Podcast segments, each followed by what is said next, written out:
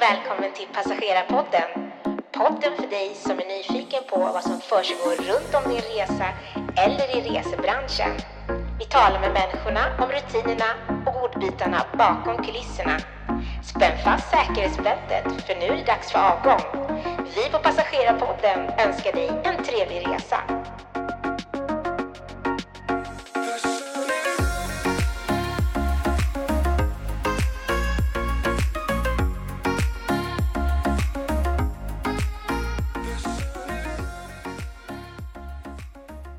Hjärtligt välkommen till eh, Passagerarpodden.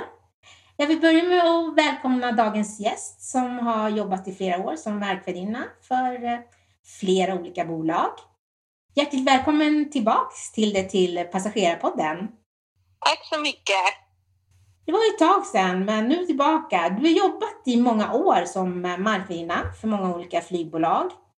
Och nu är det ju snart dags för påsk och många har ju bokat sin första resa efter pandemin.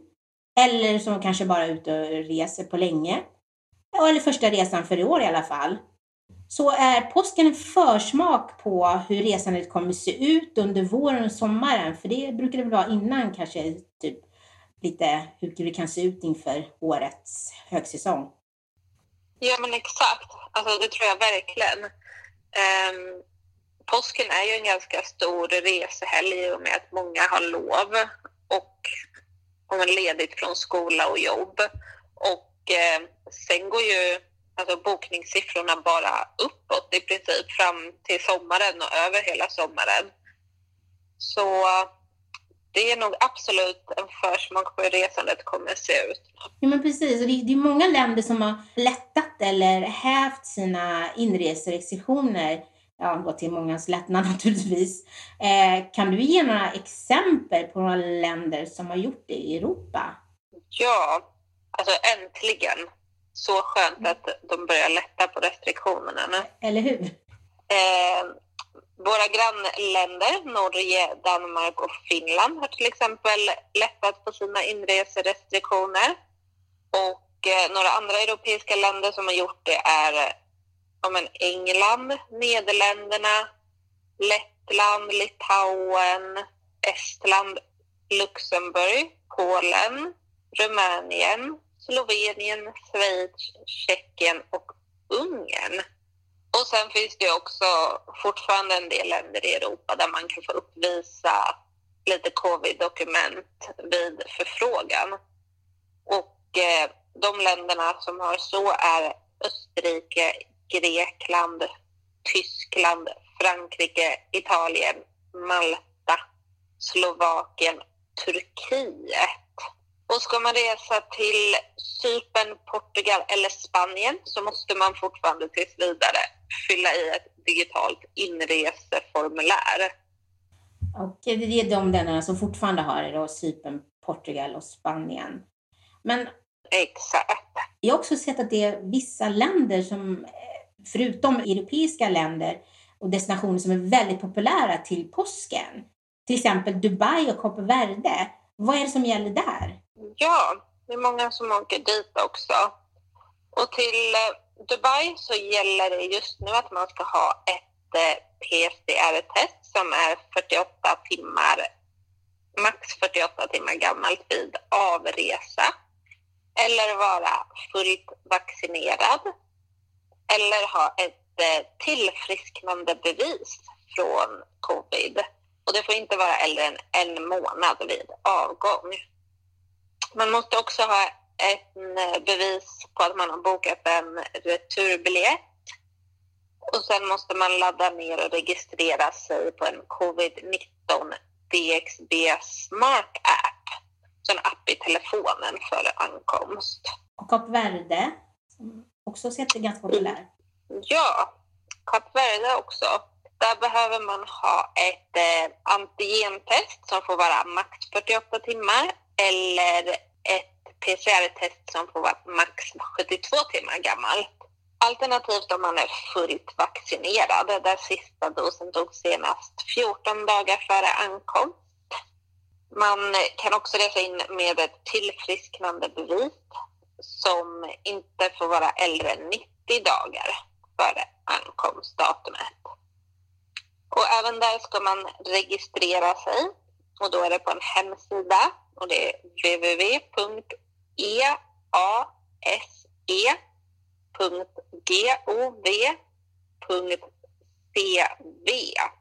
och det kan man göra inom upp till fem dagar före avresan. Apropå dokument och sådär, så har ju senaste tiden handlat mycket om pass och passtider, att man är svårt att få tag på. Jag har lite tips. Jag brukar gå in faktiskt, eller jag har faktiskt bokat en tid. Mitt pass går ut någon gång i sommar. Så jag har faktiskt fått tag på en tid, vilket är ganska ovanligt. Har du fått tag på en tid eller behöver du förnya ditt pass? Nej, jag gjorde faktiskt mitt pass ehm, under corona år 2021. Så förra året gjorde jag ny, nytt pass. Men jag brukar alltid alltså, försöka ha koll på att man förnyar sitt pass liksom sex månader innan det går ut, minst. För att vara på den säkra sidan. Man vill ju inte stå där utan ett giltigt pass. Nej, precis. Så vad jag gjorde, jag kan lite tips till våra lyssnare. Gå gärna in på förmiddagen och eh, gå in och titta, för de brukar släppa tider på förmiddagar vissa dagar. Så gå gärna in, jag gjorde det här en onsdag, så jag vet inte om det gäller jämt, men gå gärna in och titta på, på förmiddagar så kanske ni kan hitta en tid då så att ni slipper och eh, stå och inte komma iväg på i den efterlängtande semestern som ni vill ha. Vad ska man göra om man inte kanske då får tag på en tid innan semesterresan? Vad smart det där med förmiddagen, det visste jag faktiskt inte. Det ska jag säga till mina kompisar som behöver göra nya pass. Sprid det. Ja. Men har man eh, missat att sitt pass har gått ut och man inte hinner göra eller inte har fått en tid till att göra ett nytt pass så kan man faktiskt ansöka om att få göra ett provisoriskt pass. Det kan man dock göra tidigast 72 timmar före en bokad resa. Och när man ansöker så måste man kunna styrka att man ska resa, vart man ska resa, när man ska resa och hur länge du ska vara bortrest. Och då är det viktigt att man inte glömmer att ta med sig en giltig ID-handling. Och ska man göra ett provisoriskt pass för sina barn så krävs det om båda föräldrarna eller båda vårdnadshavarna behöver vara med så man inte missar det också. Och vad hittar jag liksom var, vilka ställen som gör provisoriska pass? Mm, man kan hitta listan på polisen.se under eh, kategorin provisoriskt pass. Och där kan man hitta vilka passexpeditioner som utfärdar provisoriska pass. För det är ju inte alla. Och de som gör det i Sverige är på flygplatserna Arlanda, Göteborg, Landvetter alltså. Och sen är det Skavsta i Nyköping och Sturup i Malmö. Det är några exempel på passexpeditioner där man kan göra provisoriska pass. Ja, men det är jättebra. Säkert man kan gå in och få hela listan för lyssnare om ni går in på polisen.se. Ett annat dokument eller ett kort som är bra att ha med sig nu när man ska åka utomlands och håller sig inom Europa, det är ju EU-kortet. Vad är det för någonting? Ja, EU-kortet, det är som en slags här försäkringskort skulle man kunna säga. EU-kortet ger dig rätt till eh, sjuk och tandvård när man är i ett EU eller EES-land eller Schweiz eller Storbritannien. Och EU-kortet gäller bara för sjuk och tandvård som inte kan vänta tills du kommer tillbaka till Sverige och som du kan få hos vårdgivare som är anslutna till det allmänna sjukvårdssystemet i landet. Med vård som inte kan vänta tills du kommer tillbaka till Sverige menas inte bara akutvård utan även vård som orsakas av kronisk sjukdom. Och i sådan vård inkluderas provtagningar och medicinska kontroller. Och det som är så bra med EU-kortet är att har man det så betalar man lika mycket för sjuk och tandvården som de som bor i landet. Och därför betalar du själv patientavgiften. Och I vissa länder måste du först betala hela vårdkostnaden och sedan begära ersättning hos landets motsvarighet till Försäkringskassan. I Schweiz och Liechtenstein krävs förutom att du har ett svenskt EU-kort också att du är medborgare i ett EU eller EES-land eller i Schweiz. Och många som åker till post, det har jag faktiskt tänkt på lite här nu när vi pratar. De åker ju då nu första gången till påsk till sina sommarhus som de har utomlands eller stugor inom Sverige. De kanske går ut och vandrar, hajkar, campar, golf etc. Eh, då tar man ju med sig till exempel batteridrivna maskiner, gasolkök, tändvätska. Vad ska man tänka på då när man checkar in det här? Och kan man checka in det här? Ja, exakt. Äntligen kan man börja göra lite så här sommaraktiviteter. Eller hur? Det man ska tänka på om man ska ta med sig lite sådana här udda föremål eller vad man ska säga är att man måste ta reda på vad det är man har med sig också. Så att man vet liksom om, en, om man ska ha med sig ett gasolkök så måste man ta reda på liksom om det är gasol i och sånt där, för allt sånt måste vara tömt.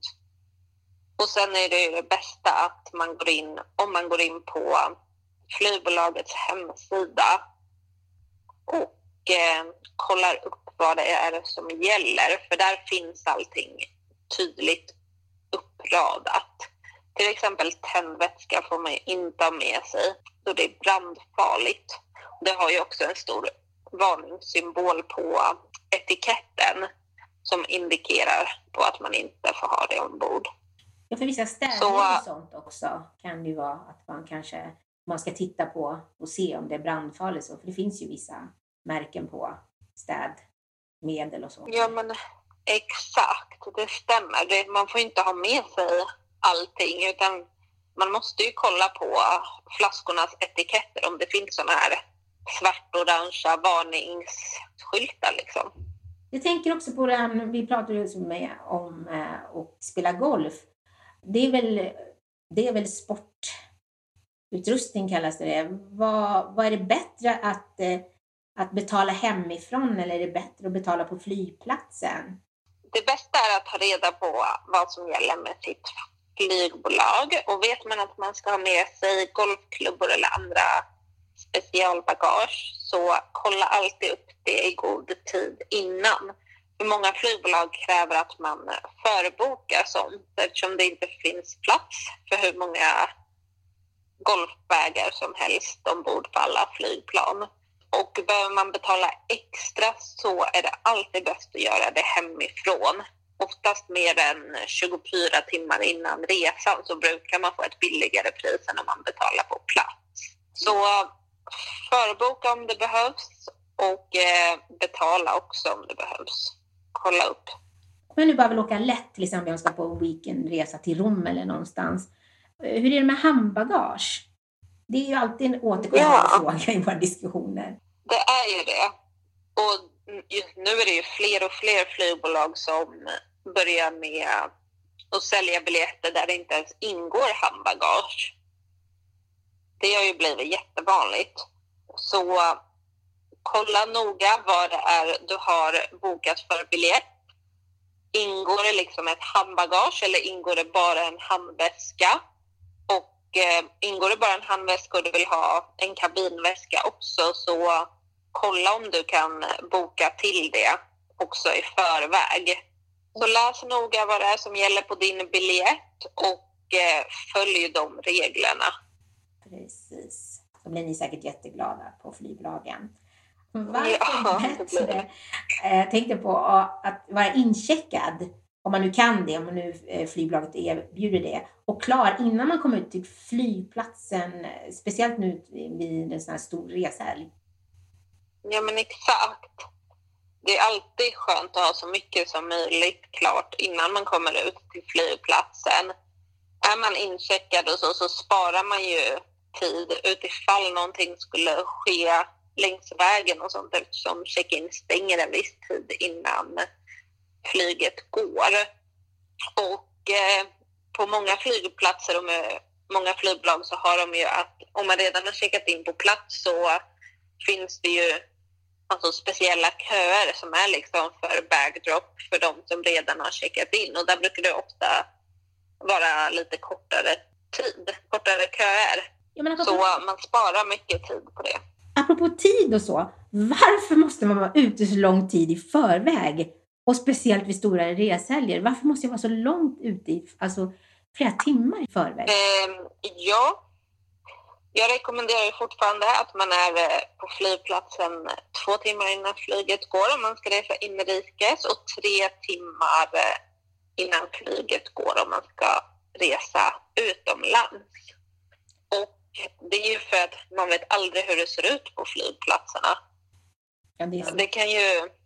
Ja, ibland är det jättelånga köer och ibland kan det vara det liksom, alltså utan någon specifik anledning bara att det blir mycket folk och sen kan det vara att det är ont om personal i säkerhetskontrollerna eller någon datastrul.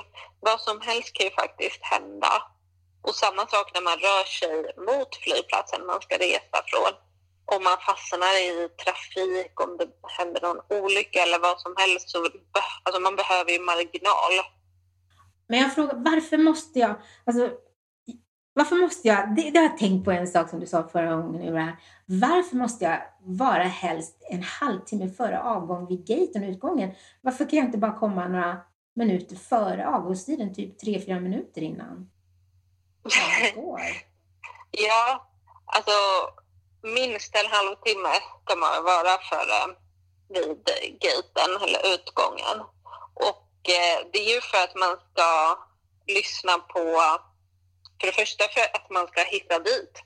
Om eh, man reser från en flygplats man aldrig kanske har varit på innan så vet man inte riktigt hur lång tid det tar att gå. Sådär. Så det är bra att ha tid. Och sen så brukar ofta personalen som jobbar i gaten vara där minst en halvtimme innan. Och då börjar de göra utrop och berätta om en information om hur ombordstigningen kommer gå till, om det är någonting annat viktigt som man behöver veta man behöver ju ha marginal och sen så stänger ju gaterna för de flesta flygbolag om en, ungefär 15 minuter innan flyget går. För det är ju det är pappersarbete kan man kalla det som ska göras också innan flyget kan lämna gaten. Och för att det ska göra det på tid då så behöver man ha marginaler där också. Så tre, fyra minuter är absolut ingen god idé då med andra ord att komma innan, innan tiden? Nej, Nej, absolut inte. Då tror jag inte att du får åka med. Då blir det ingen semester i påsk. Nej.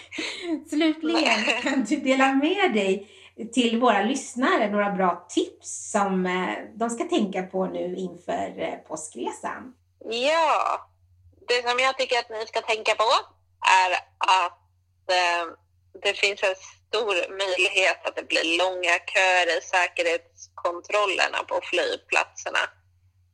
Och eh, det kan man ju faktiskt kolla på också på Swedavias hemsida eller om man laddar ner deras app. Det är ju de som har hand om de flesta flygplatserna i Sverige och där kan man se live ungefär hur långa köer det är i säkerhetskontrollerna.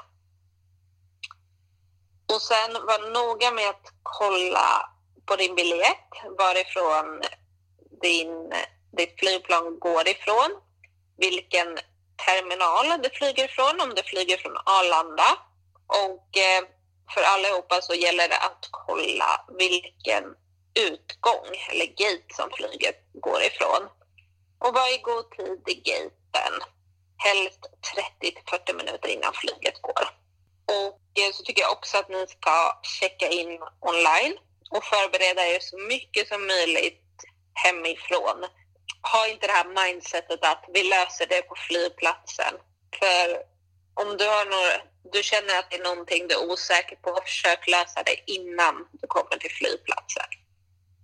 Till exempel betala för extra vikt eller bagage, välja sittplats och sådana saker. Skriv ut dokument, intyg och biljett ifall något skulle hända med din telefon. och för att det är mycket lättare för oss som jobbar att kolla på allting i pappersform än i mobiltelefonerna. Och sen tycker jag fortfarande att eh, det är bra att växla pengar så man har kontanter med sig på resan. Inresregler och råd och tips eh, kommer vi lägga upp på Passagerarpoddens eh, Instagram-sida. Alltid till det som vanligt. Tack så jättemycket för dina jättebra tips och råd och eh, för din medverkan på Passagerarpodden. Och jag hoppas att du kommer att gästa oss snart igen och dela med dig av din expertis. Ja, tack så mycket. Det var jättekul och jag hoppas att alla ni som ska resa i påsk kommer iväg säkert och utan problem. Så med andra ord önskar vi dem en trevlig resa. Oh ja, det gör vi. Välkommen fram till din destination. Hoppas att du haft en trevlig resa med oss. Vi här på Passagerarpodden vi tackar så hjärtligt för oss och önskar dig varmt välkommen åter till vårt nästa avsnitt.